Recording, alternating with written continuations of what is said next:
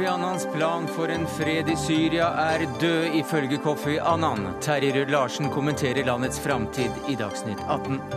Breivik fikk to nye diagnoser av professor i psykiatri i dag.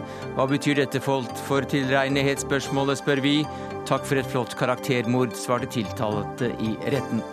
Forsvarer Geir Lippestad svikter alt og alle og dilter etter massemorderen, sier advokat Per Danielsen. Danielsen bør holde seg langt unna, svarer advokat Frode Sulland. Og fotball-EM sparkes i gang under vår sending.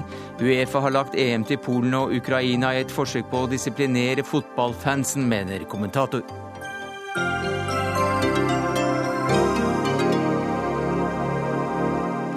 Ja, Det er noen av sakene i eh, Dagsnytt 18 denne fredagen, da fotball-VM altså ble sparket i gang for, ja, for litt under et minutt siden. Og vi ringer Arne Skeie og Egil Olsen på rom 304 i Gdansk mot slutten av sendinga. Men vi starter med meldingen om at Flesland i Bergen og Værnes i Trondheim er stengt i morgen og søndag. Og Ove Narvesen, du er kommunikasjonsdirektør i Avinor. Hvorfor det?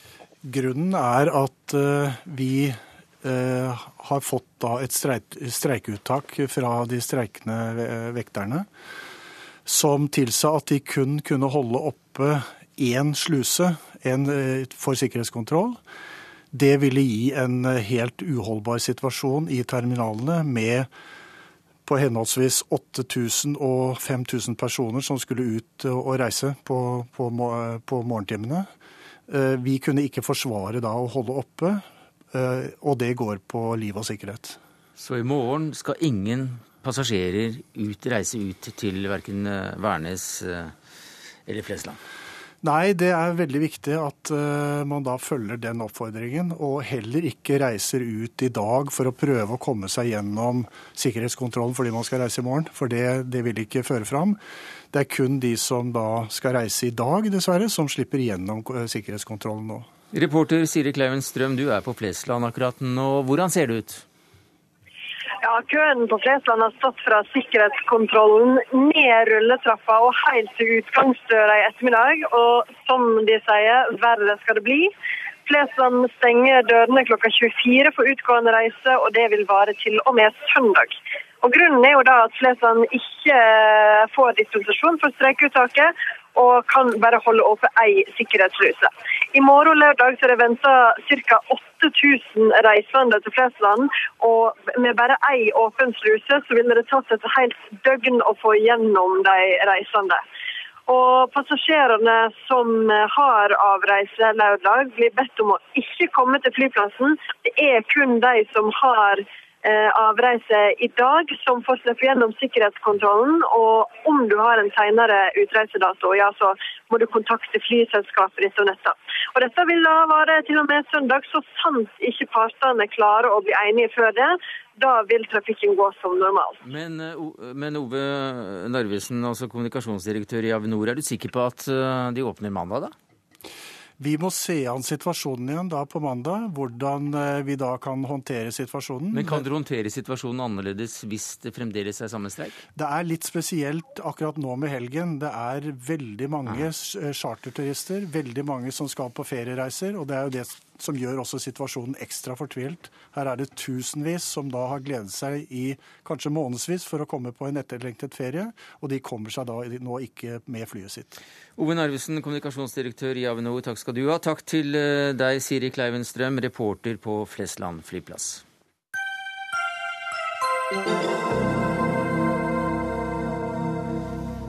Så til Syria, for FN-observatøren har kommet seg inn i landsbyen Masrat al-Kubair, der den siste massakren skal ha funnet sted. I går ble som kjent FN-observatørene skutt på, og måtte som kjent snu. Hva sier de siste meldingene, Cecilie Hellestveit, du er forsker ved International Law and Policy Institute? Nei, de går ut på at eh, fredsobservatøren har fått komme inn i denne lille landsbyen hvor angivelig 78 mennesker skal ha blitt massakrert på onsdag. Eh, og der ser det ut til at eh, regjeringsstyrker eller andre har ryddet opp. Så det er vanskelig å se Eh, menneskekropper osv., men de ser eh, tydelig at her har det foregått noe. Men det som er eh, ganske foruroligende med den utviklingen som skjedde i går, var at i denne sekspunktsplanen til Kofi Annan og våpenhvilen, så er det kanskje denne observatørmisjonen som faktisk er det som har fungert best.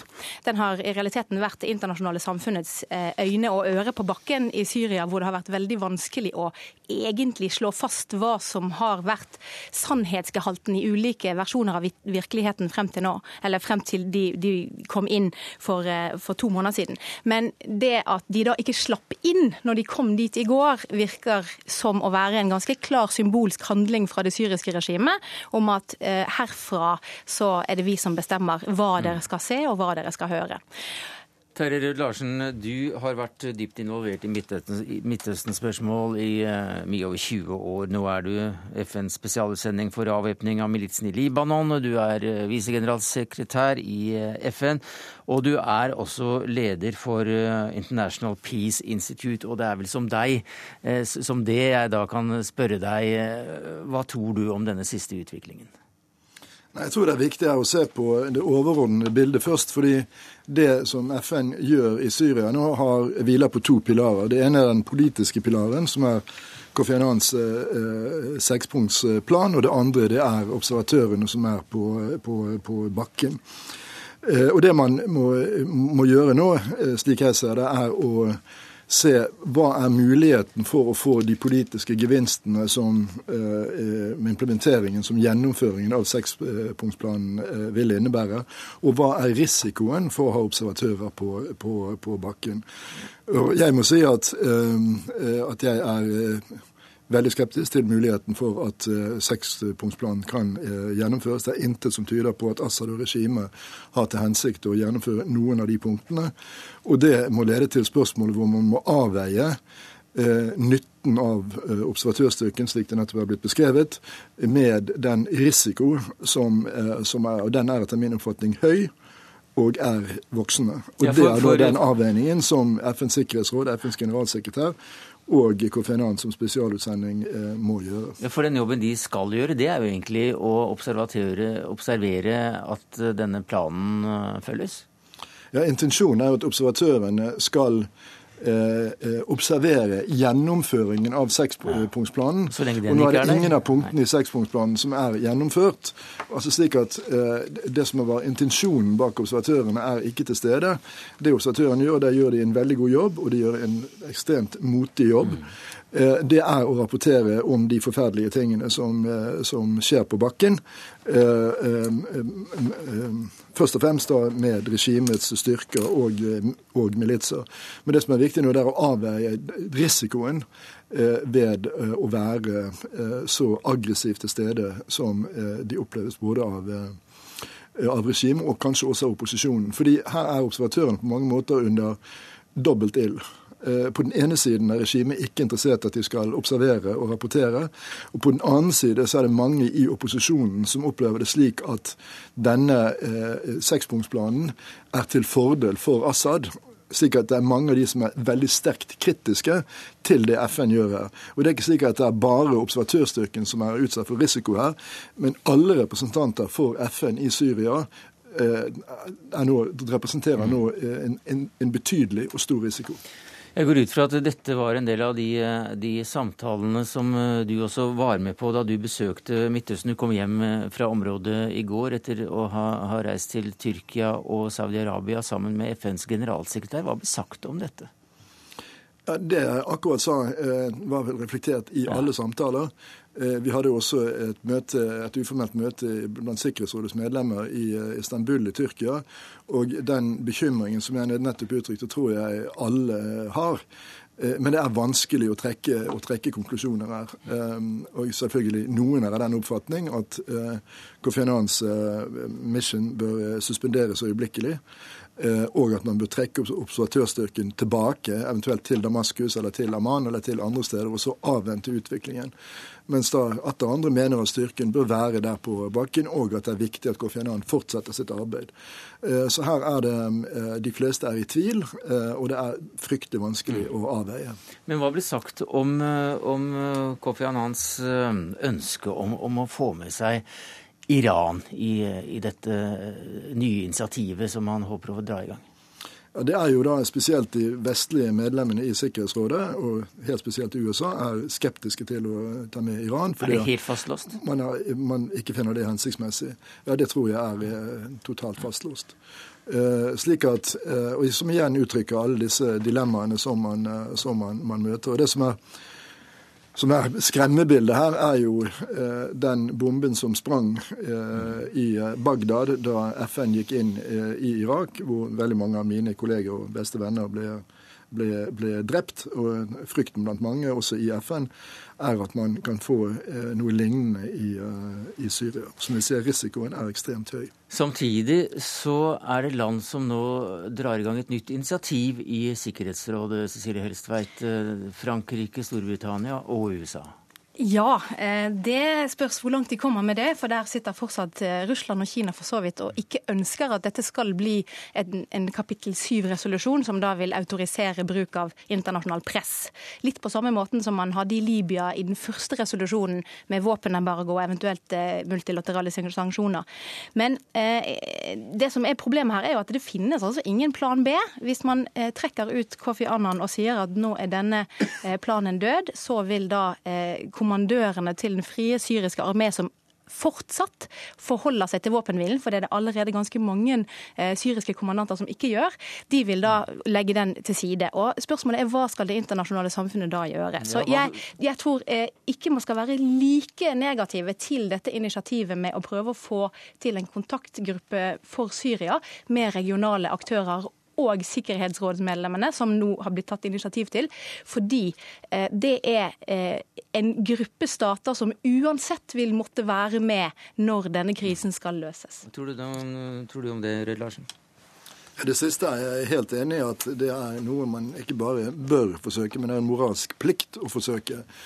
Eh, men med utgangspunkt i også min egen erfaring i mange runder av forhandlinger med president Bashar al-Assad, så er mitt håp eh, forsvinnende i forhold til muligheten for at han vil akseptere denne sekspunktsplanen. Men til tross for det er det viktig å gjøre alle forsøk på en eh, diplomatisk og politisk, og politisk løsning. Eh, plan B eh, altså som, Dersom diplomati feiler her, så vil man få en militarisering av konflikten i, i stor skala og sannsynligvis eh, en, eh, en eh, fullskala borgerkrig i, i, Syria. Og Det er på en måte det som ligger rundt neste hjørne, mm. ja, jeg, hvis, jeg at, hvis, de diplomatiske forsøkene ikke lykkes. Jeg ser at BBCs korrespondent begynner å sammenligne dette her med det som skjedde i Libanon i sin tid, med den helt uoversiktlige situasjonen med en mengde eh, militsgrupper som, som holdt det gående i år etter år. Og Det er dessverre en, en, en interessante paralleller. Det er også store ulikheter, men det er interessante paralleller. For det er ikke bare slik at det, det syriske samfunnet er sammensatt av veldig mange ulike religiøse og eh, eh, sekteriske grupper. Eh, men det er også slik at, at, både regionale og internasjonale aktører bruker konflikten i Syria mm.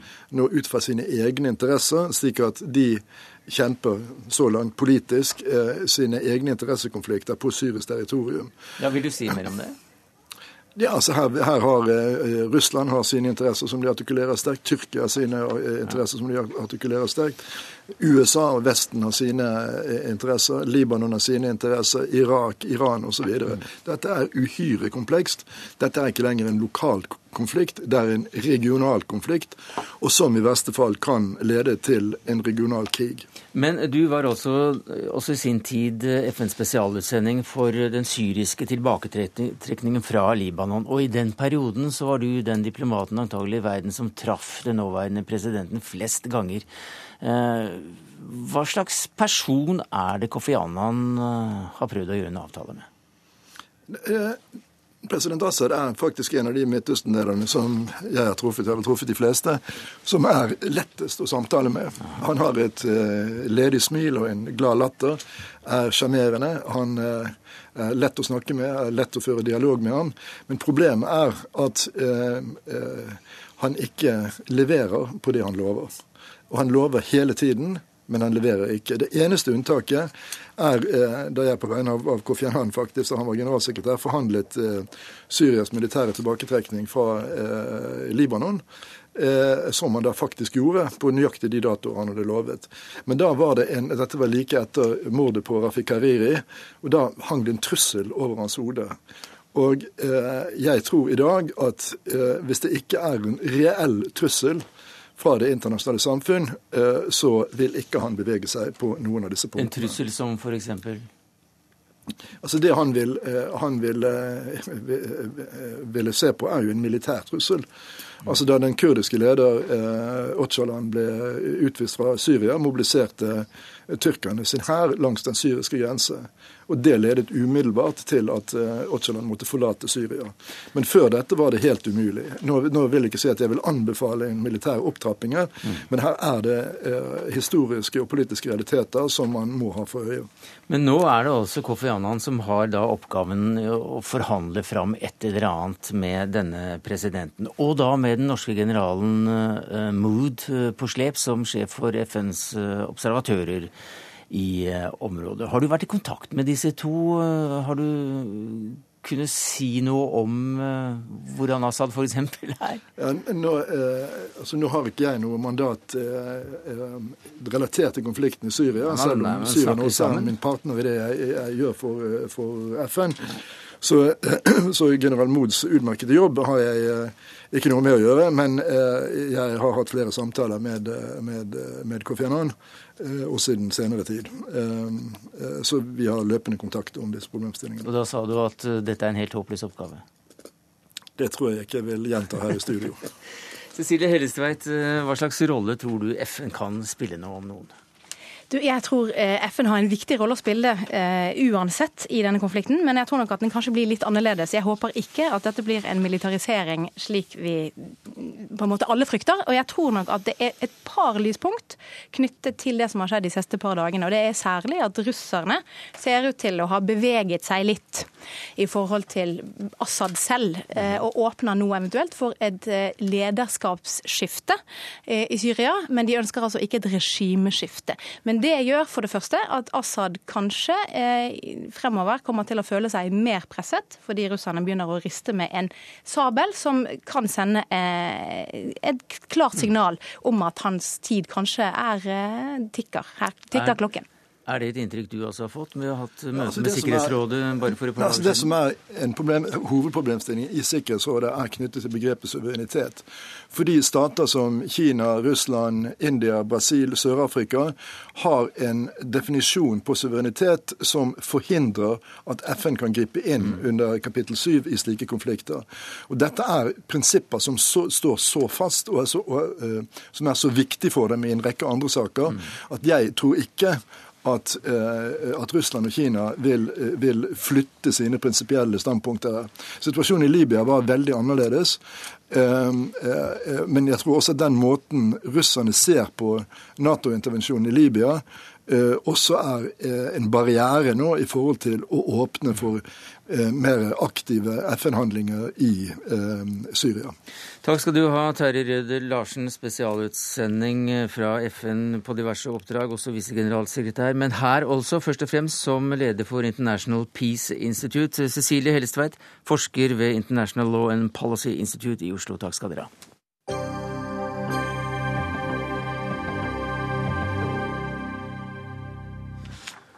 I dag startet den psykiatriske delen av rettssaken mot Anders Behring Breivik, og det hele startet med et vitne som ikke fikk vitne. Eva Marie Strand, du var der. Hva var det som skjedde? Jo, det her var barnepsykiater Per Olav Næss som eh, har observert Breivik når han var i fireårsalderen. Det var flere som ville at han skulle vitne i dag, bl.a. bistandsadvokatene. Men eh, etter et møte på bakrommet så eh, ble det avgjort at han ikke skulle få vitne i dag, fordi taushetsplikten hans veide for tungt. Han kunne ikke fritas fra taushetsplikten. Men så kom det inn en professor i psykiatri, Fredrik Ulrik Malt, i vitneboksen. Hva var hans ærend? Ja, Han starta faktisk med å si at han syntes det var beklagelig at eh, Ness ikke fikk vitne, for han sa at eh, sånne opplysninger fra barndommen var veldig viktige, og at de journalene var viktige å ha tilgang til. Han skulle belyse eh, tilregnelighetsspørsmålet, Så han gikk jo da systematisk gjennom de to psykiatrirapportene som foreligger. Han eh, var opptatt av å ikke henge ut noen. Han syntes det har vært en heksejakt det etter den første psykiatrirapporten. Men han, han, gikk gjennom symptomene på de ulike diagnosene som har blitt stilt i de her rapportene. Og han avfeide vel egentlig eh, altså, par, den eh, paranoid schizofreni som den første rapporten legger frem, konkluderer med. Det avfeide han. Men han åpna for en del av de andre diagnosene som ble stilt.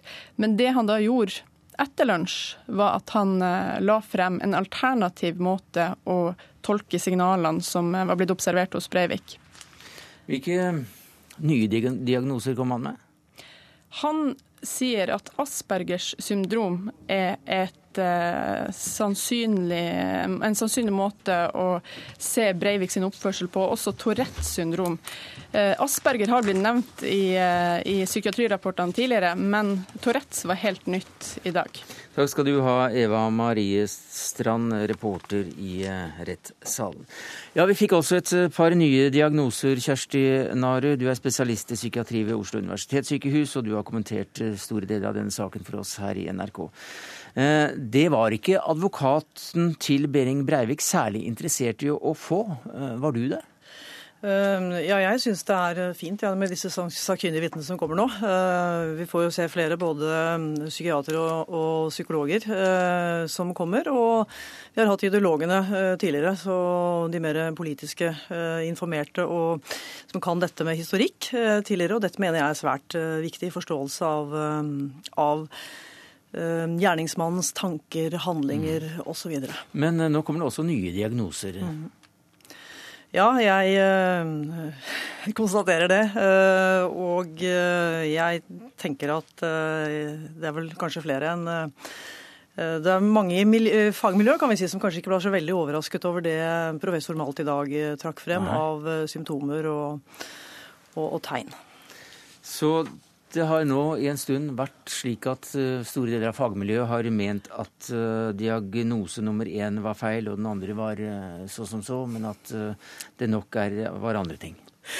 Dette er jo nesten litt uh, vittig, fordi hver gang man er i studio, så skjer det nye ting, og så endrer man både hva er dette og hva er dette ikke. Jo, uh, men sånn det, er jo sånn når vi driver jo, er vi løpende rettssak. Det er jo rettssaken, og det er jo det som er fint, at vi da mm. får se både hvordan tiltalte fremstår, Eh, hva de som eh, avgir vitneprov eh, sier, og, og rettens aktører hvordan de stiller mm. spørsmål og forholder seg til dette. slik at det vi fikk i dag, var en gjennomgang av diagnostisk utredning. Syns jeg på en forståelig måte, og jeg håper også at folk flest syns det. Så de kan skjønne litt hvordan det kan gå riktig, og hvordan det kan gå galt. Du vil ikke svare helt på spørsmålet mitt, men la nå det, det, fare. Altså, Malt sa i dag at Aspergers og Tourette er det vel uttales, ja. er sykdommer som, som han kan lide av. Anne Kari Torgalsbøen, du er førsteamanuensis i klinisk psykologi ved Universitetet i Oslo, og du er schizofreniekspert. Hva fikk du ut av det?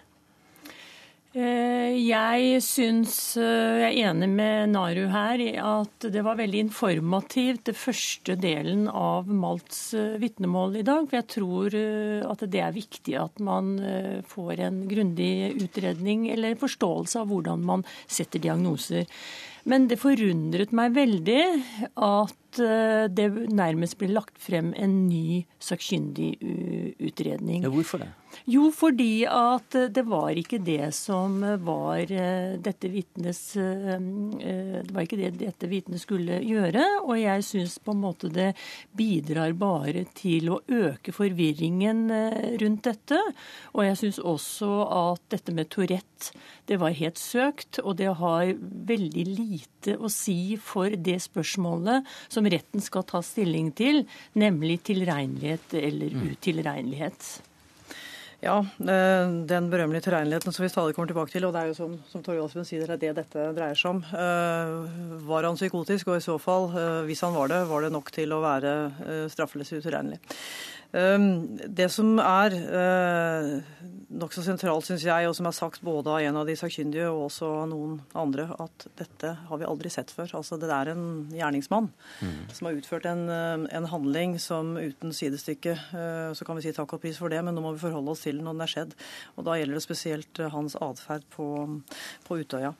Og det at denne totale mangelen på empati, den har gjort dypt inntrykk, ikke bare tror jeg på de sakkyndige og oss fagfolk, men på folk flest, når de ser hvordan tiltalte forholder seg til disse voldsomhetene, smerten som han blir eksponert for i form av de vitneprovene han har sittet og hørt på.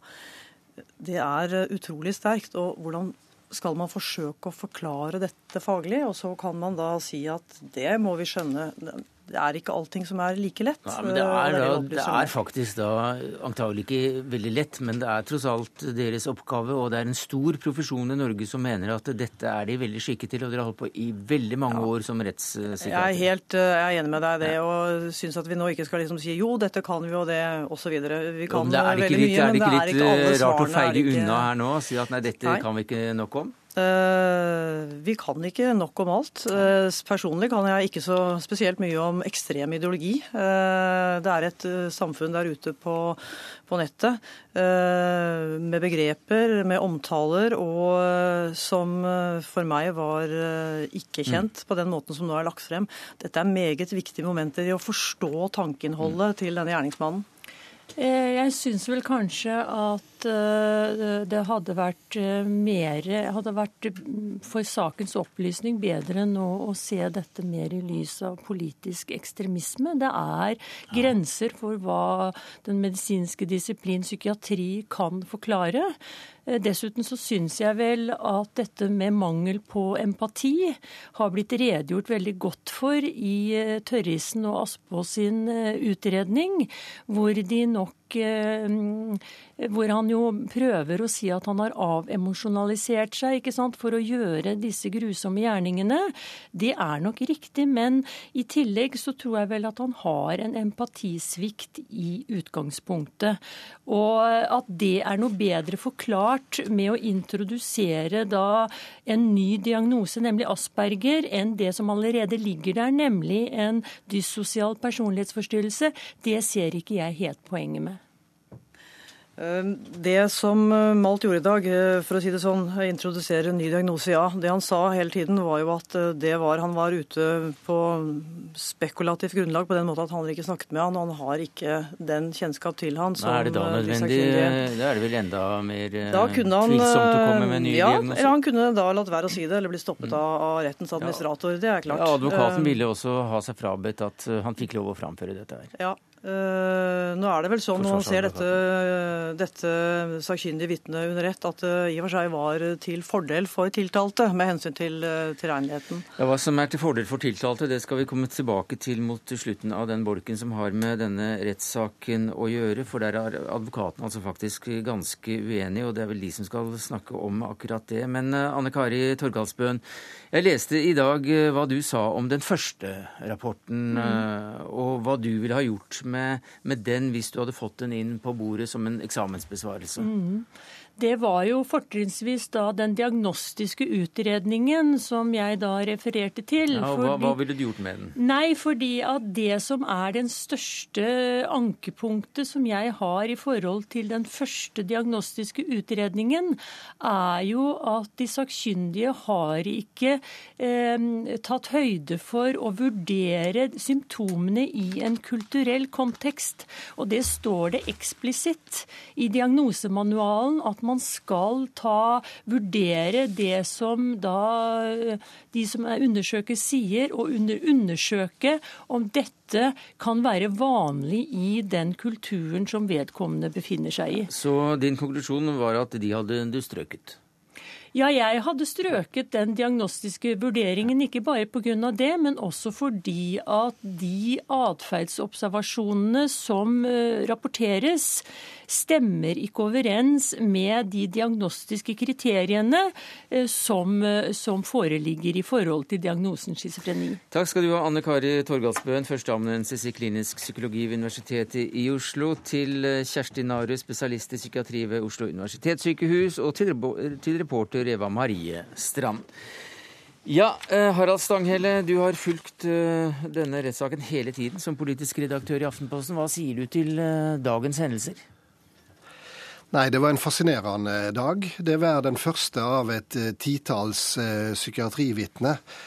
Og som vi vet, så dreier det usikre i denne saka det dreier seg nettopp om tilregnelig eller ikke mm. Og du, I dag fikk de to andre eh, knagger å henge en hatt på, nemlig to nye diagnoser. Ja, det gjorde en. Det var interessant å høre professor Malt, der han høflig, vennlig, men samtidig klar eh, egentlig desavouerte begge de to konklusjonene vi har på bordet nå. Eh, det var som han eh, det virka som han sa, og han sa det også, at det var gode ting i begge rapportene. Det virka som han ville ta det beste i begge rapportene og stampe opp av jorda en ny rapport, og det var det han gjorde. Men trengte retten det? Nei, det gjorde de nok ikke. Men det retten trenger, det er jo all tilgjengelig og all mulig eh, informasjon eh, i høve til spørsmål om tilregnelig og ikke tilregnelig. Det har de virkelig bruk for, eh, uten at jeg tør sitte her i dag og si at bildet ble klarere for retten etter dagens vitneprov mange timer som det var. Knut Magnus Berge, du kommenterer dette for NRK. Og Geir Lippestad, altså Breiviks forsvarer, han protesterte i dag fordi han var redd for en at en ny eh, vurdering av Breivik syke ikke skulle føre noe hen. Men han ble altså da klubba ned av eh, dommeren, og Malt fikk lov å, å, komme med disse nye diagnosene. Hvorfor var det så viktig for Lippestad å prøve å stoppe det? Nei, altså Det var jo to begrunnelser i og for seg han uh, brukte. Uh, det ene var at uh, han så på dette som en ny sakkyndig erklæring som ble lagt fram i realiteten, og at det slik sett kunne representere en saksbehandlingsfeil at det ble presentert på den måten som det ble i et vitneprov, og det ville han ha protokollført. Det var det ene. Og det andre er jo at han snakka om dette med personvernomsyn, som da går både både i forhold til Breivik, men også andre i hans eh, omkrets. Samtidig så, så ble også uh, han som vurderte Breivik som fireåring, stoppet i å uttale seg om, om, hva han hadde funnet. Hvorfor det? Ja, Det var eh, to grunngjevinger for det. Det ene var at eh, eh retten mente at han har taushetsplikt som lekjær. Han har lovbestemt taushetsplikt. Og verken Anders Behring Breivik og enda viktigere eh, Breiviks mor eh, ville løse han fra den. Tidligere så har hun løst han fra den, men hun har trukket det tilbake. Eh, dessuten så sa retten at erklæringa fra psykiater Ness fra den gangen, altså 29 år gammel, den er tatt inn i den første psykiatrirapporten. Den er vurdert av begge de to psykiatriske teamene som retten har utnevnt og de mente det fikk halde. De stiller også spørjetegn ved hvor mye nytt en eksaminasjon av psykiateren ville, eh, ville, kunne legge på rettens bord utover det som ble skrevet ned for 29 år siden. Eh, det var tross alt 29 år siden, og Behring Breivik var da fire år. Og Ness har uttalt seg til nrk.no om dette, og sier at han mistenkte Aspengre, eh, Aspengren, Asperger eh, hos, hos, denne fireåringen. Jeg har sett det sånn at han tolker tydeligvis teieplikta noe rausere ja. enn retten gjorde. Ja. Men eh, hva da med, eh, med det massedrapsmannen selv sa, at her var det et karakterdrap? Ja, Han eh, fikk jo eh, ordet for å kommentere dette. Han protesterte for øvrig også underveis. Eh, syns at eh, dette ikke var en rimelig måte å gjøre det på. Det var for øvrig òg interessant å se med hvilken intensitet han i dag eh, protesterte. Eh, og så fikk han ordet til slutt for å kommentere dette, og kom opp da med ei rad momenter som han mente ikke var gyldige fra psykiateren sin side. Han reagerer jo veldig sterkt på alle forsøk på å sykeliggjøre han. Han vil jo gjerne framstå som en, ja, en politisk figur, at alt dette dreier seg om politikk. Og dermed så reagerer han instinktivt når det dreier i retning av psykiatri. Ja, for i dag så ble det tegnet et bilde av en ganske ensom syk mann. Det ble det, og det det bildet, det skal vi kalle det litt stakkarslige taperstempelet. Mm. En som ikke lykkes med kvinner, en som ikke lykkes med utdanning, en som ikke lykkes i livet generelt, eh, i relasjoner med andre mennesker. Det er det bildet som Breivik reagerer så kraftig på. Og, og, og paradoksalt nok så er vi nødt til å gi han noen poeng, fordi at vi har jo sittet, eh, både Knut Magnus Berge og jeg, og hørt vennene hans i retten. Eh, og det er ikke noe ensom stakkarslig person eh, som de tegner et bilde av. Eh, men de tegner nok et bilde av en person som ble spesiell, og som forsvant for dem på et visst tidspunkt i livet, nemlig da han gikk inn i spelverden.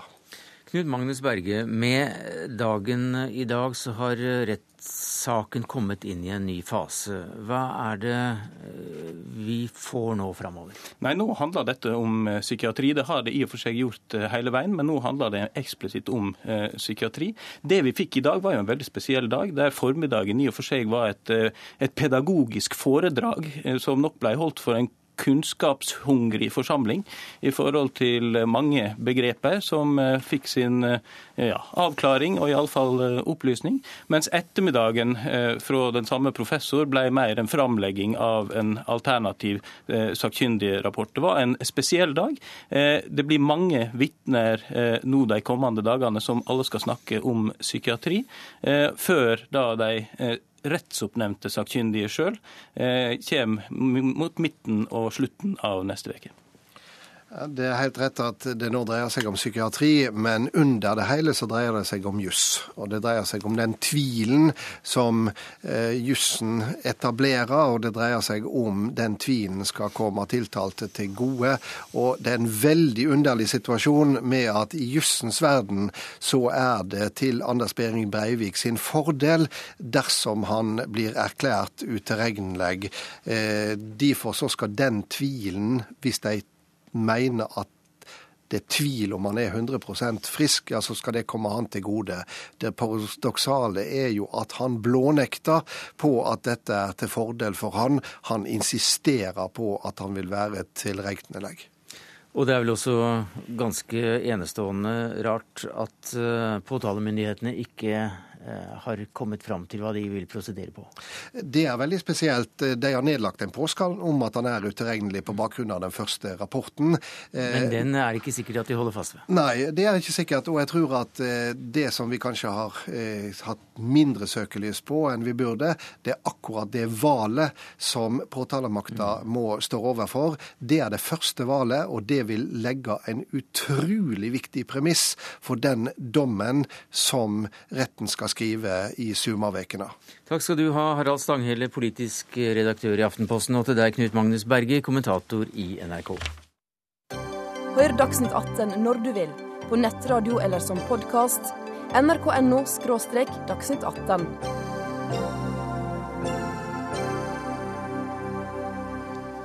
Siste post på programmet i vår dekning av 22.07-saken denne uka er da en kronikk i Aftenposten der eh, du skriver, eh, Per Danielsen, advokat, at tiltales, tiltaltes forsvarer Geir Lippestad svikter katastrofalt. Hva er det du sikter til da? Altså Han uh, har jo i likhet med alle andre, og det er forståelig, sympati mer med de pårørende og ofrene, sånn som jeg også har. Men uh, en forsvarers oppgave er å gjøre sitt ytterste for uh, sin egen klient. Og her er det så betydelig tvil om han er tilregnelig eller ikke. Det er strenge beviskrav. Og da plikter en advokat å ta til orde for det synspunktet at han skal kjennes utilregnelig. Fordi det er meget mulig at han er syk, og syke mennesker i vårt land, de straffer vi ikke. De behandler vi medisinsk. Men uh, den tiltalte selv uh, sier jo at han uh, vil bli erklært tilregnelig. Ja, men det er samme tvilen der. Kan man høre på han? Det er jo det det er tvil om, om vi kan høre på han i det hele tatt. Det er nok av folk rundt i psykiatriske institusjoner som sier at vi vil ut, fordi vi er jo ikke gale, vi. Vi er ikke sinnssyke, vi. Det er nok av dem, på samme måte som i fengslene er det nok av folk som sier at vi er uskyldige, vi. Så uh, den tiltalte vet ikke sitt eget, eget beste, uh, og, og hans forsvarsadvokat burde vite det? Ja, Han skal bare konstatere at her er det tvil. Han skal ikke ta stilling selv engang. Og det er også tvil om eh, Breivik selv vet, som er hans, vet er hans eget beste. Hva sier du til det, advokat Frode Sulland? Jeg syns jo dette er eh, problematisk av flere grunner. Eh, for det første så syns jeg det er problematisk at en forsvarerkollega går ut med en så kraftfull salve midt under saken. Eh, selvfølgelig er dette temaer man kan diskutere, men vi må huske på at dette er kanskje det vanskeligste forsvareroppdraget etter krigen. Og det eh, nærmer seg det ukollegiale å skulle karakterisere og kritisere på denne måten. La oss ta det til slutt, men først substansen her. Altså om ikke forsvareren burde ha uh, trådt hardere til og sagt hva som er klientens beste. Jeg er jo sterkt uenig med Danielsen i å, uh, at han formulerer dette som en plikt. Uh, det som kan være en interessant diskusjon, er hvorvidt han kunne hatt en adgang til Eh, forsvarer etisk å prosedere mot sin egen klients uttalte ønske. Det å formulere dette som en plikt blir åpenbart i strid med eh, det primære formål som eh, Lippestad skal ha, nemlig å ivareta sin klients interesser. Og det må han da vurdere. Er det tilregnelighet eller er det utilregnelighet? Og det er hans oppgave og hans ansvar. Mm. Men plikten står klart formulert i de etiske retningslinjene for forsvarere. Vi hadde det samme i Orderud-saken, hvor advokat Stabel var eh, prosedert i strid med egen klients interesser, påsto klienten og fikk sparken til og med, men det var riktig gjort av Stabel. Vi hadde det på 60-tallet, da Alf Norhus også prosederte mot sin egen klients eh, ønske, og fikk han frifunnet pga. utilregnelighet. Det var Norhus gjennombrudd. Det Danielsen og Jens snakker om, er jo hvorvidt det ville være akseptabelt å gjøre dette. Jeg vil ikke gå inn i en diskusjon om Orderud-saken som jeg var deltaker i, men eh, det er vel kjent at nettopp utilregnelighetsspørsmålet er det sentrale eksempel på at man kan komme til å måtte gjøre dette, fordi det er nettopp sykdommen som gjør at klienten tar et standpunkt som ikke er til hans eget beste.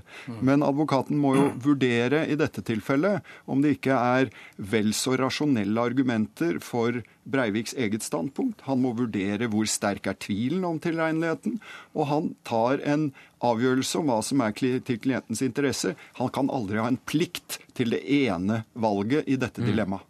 Mm. De fleste justismord i Norge skyldes at man bommer på dette med tilregnelighet, ikke tilregnelig. Og eh, Lippestad kan jo ikke tvinges til, som egentlig Sulland sier, å ta standpunkt til hva som er riktig.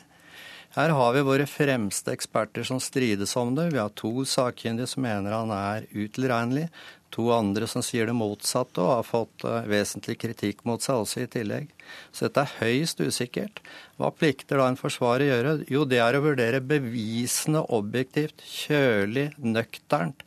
Og ut fra det si at det beste er vel at du da får behandling. Mm. Og så får han behandling da i tilfelle, og så kan han eh, om nødvendig få en ny diagnose senere, hvis han skulle bli frisk igjen, f.eks. Man hører jo nå at dette er en debatt som eh, berører også spørsmålet retten skal ta stilling til med hensyn til hvordan skal tvilen om tilregnelighetsspørsmålet slå ut. Mm. Og eh, det er klart at vi står overfor et uh, nytt og litt vanskelig spørsmål, som vi har hatt noen få eksempler på, men hvor uh, det som paternalistisk og tradisjonelt har vært definert som klientens beste interesse, nemlig å være syk, plutselig er kommet i et helt annet lys. Og igjen, uh, det er helt uakseptabelt å skulle pålegge Lippestad noen mm. plikt i dette valget. Vi har et par minutter igjen, og la oss bruke det til eh, det du eh, innledet med, Sullian si. For du mener det er høyst ukollegialt eh, av Danielsen å ta dette nå. Han skriver altså i Aftenposten at Lippestad svikter alt og alle. Klarer han ikke å snu, bør han be om å bli entlediget og si fra seg forsvareroppdraget.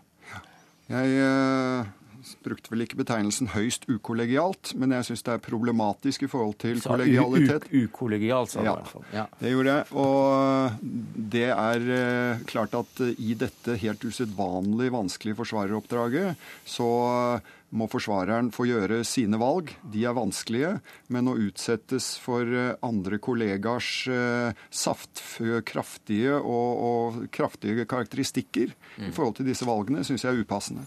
Saken er mye viktigere enn om Lippestad skulle måtte bruke en dag eller to på liksom å komme seg over og bli støtt litt på mansjettene. Han har 14 dager igjen på det. Altså Alle aktørene i denne rettssaken har fått et berettiget søkelys mot seg. Aktoratet, domstolen som sådan, men ikke forsvareren.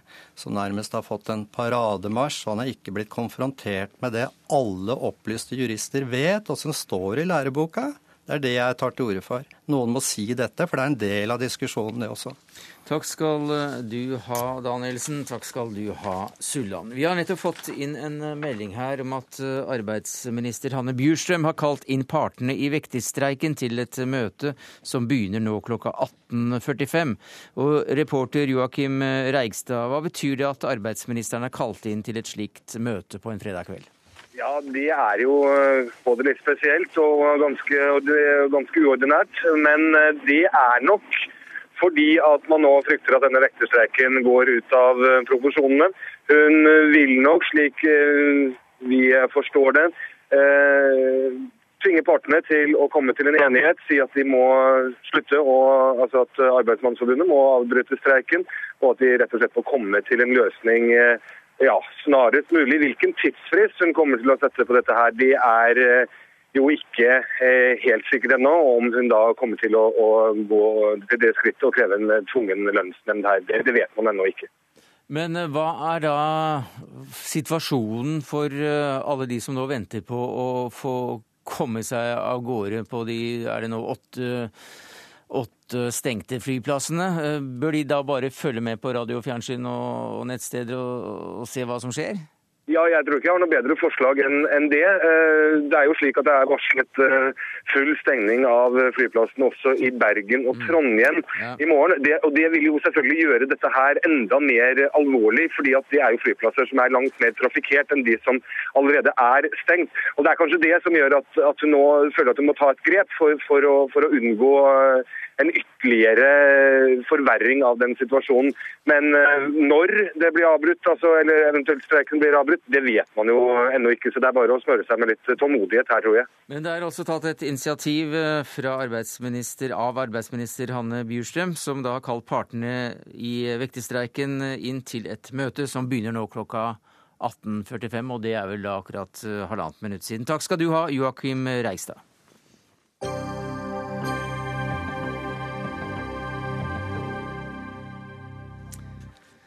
Ja, For 43 minutter siden så ble fotball-EM 2012 sparket i gang i Polen og Ukraina. Den eh, første kampen i mesterskapet pågår akkurat nå mellom Polen og Hellas i Warszawa. Og hvordan går det, Arne Skeie? Ja, I øyeblikket så leder eh, hjemmelaget 1-0, har kontroll over eh, kampen, er det beste laget. Og Hellas har også på en uforståelig måte fått utvist en mann. Så dette kommer til, sannsynligvis til å gå mot seier for, eh, for hjemmelaget. Disse åpningskampene de har jo som regel vært relativt kjedelige, men eh, Polen er det klart beste laget og ligger an til å, selv om det er en omgang igjen, å vinne denne åpningskampen i Warszawa.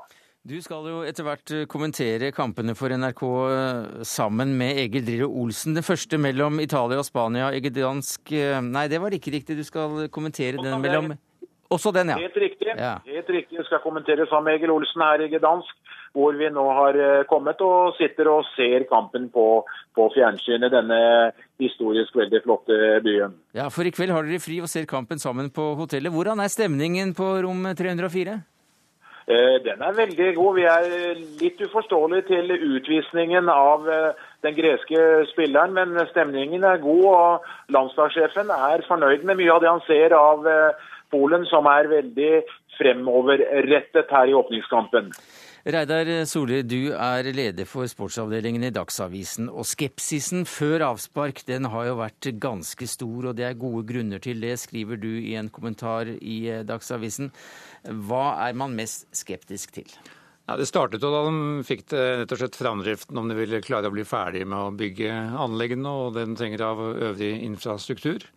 Det ble jo sagt at eh, Polen stilte med statister på byggeplassene da Uefa var på sin første inspeksjonsrunde i 2008. Og så er det selvfølgelig kulturen, som uh, fotballen har jobbet mot lenge, med rasisme og um, supporterbråk. Uh, og spørsmål om er dette sikkert nok for alle de supporterne som kommer fra Europa. Er det um, en stort sjansespill å slippe horder fra England, Tyskland, Nederland, Frankrike, Spania inn i Polen og Ukraina i disse miljøene. Det er det skepsisen har gått på, og nå er vi i ferd med å få svaret. Det er iallfall god stemning på, i Warszawa akkurat nå, har jeg skjønt. Men denne BBC-kommentaren som, som, du helt sikkert så som ble vist på NRK denne uken, den viste altså nazihilsener på tribunene, mm.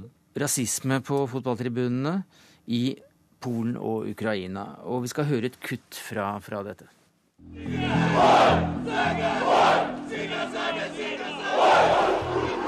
These supporters weren't white Ukrainians, they were Asian. I want to cry for them. I want to cry for them because someone's living there thinking that is someone gonna is someone gonna kill me today because of my color. Noen kan drepe meg pga. hudfargen, sa altså Englands tidligere landslagskaptein. Saul Campbell eh, var skremt over holdningene som ble vist på tribunene. Eh, Reidar Solli Uefa sier at de har nulltoleranse for rasisme. Ja da, og det er jo dette, denne kommentaren og alt som er skrevet rundt det, som skremmer vannet av de som nå sender, sender supportere eller sønner og døtre til, til disse landene. Om Uefa har nulltoleranse, det er jo ikke bevist på noen måte. og Det som blir spennende nå, er hvis det skjer ting under kampene her, hva som skjer. Har dommerne rett til å rett og slett stoppe kampene og avbryte det som, det som måtte foregå? Uefa har eh, vært flinke på ett område. Det er at de har satt i gang denne aksjonen Stopp rasismen i Rasisme rødt kort, som den heter på norsk. Den har de vært, eh, holdt på med i flere år og har blitt verdensomspennende men det er fortsatt upløyd mark, noe som, som, dette her viser. Det som gjenstår å se, som vel er bildet her, er at uh, supporterkulturen uh, i Polen og Ukraina er veldig knyttet til klubbene. Uh, Spørsmålet er om landslagene blir like ofret, og publikum som kommer inn på disse kampene er veldig kontrollert ved at eh, billettsalget er så grundig som det er. Og Samtidig så kommer også meldingen om at et jødisk minnesmerke ble vanæret i dag. Berit Lindmann, du jobber i den norske Helsingforskomiteen og har bl.a. arbeidet mye med Ukraina. Eh, hvorfor skjer dette? Altså Nazihilsener, antisemittiske handlinger, rasisme nå? Det er det selvfølgelig et sammensett svar på, men eh, antisemittisme og rasisme har lange historiske tradisjoner både i Polen og Ukraina. Eh, helt fra tsartiden, hvor, eh, hvor jødene ble utsatt for pogromer.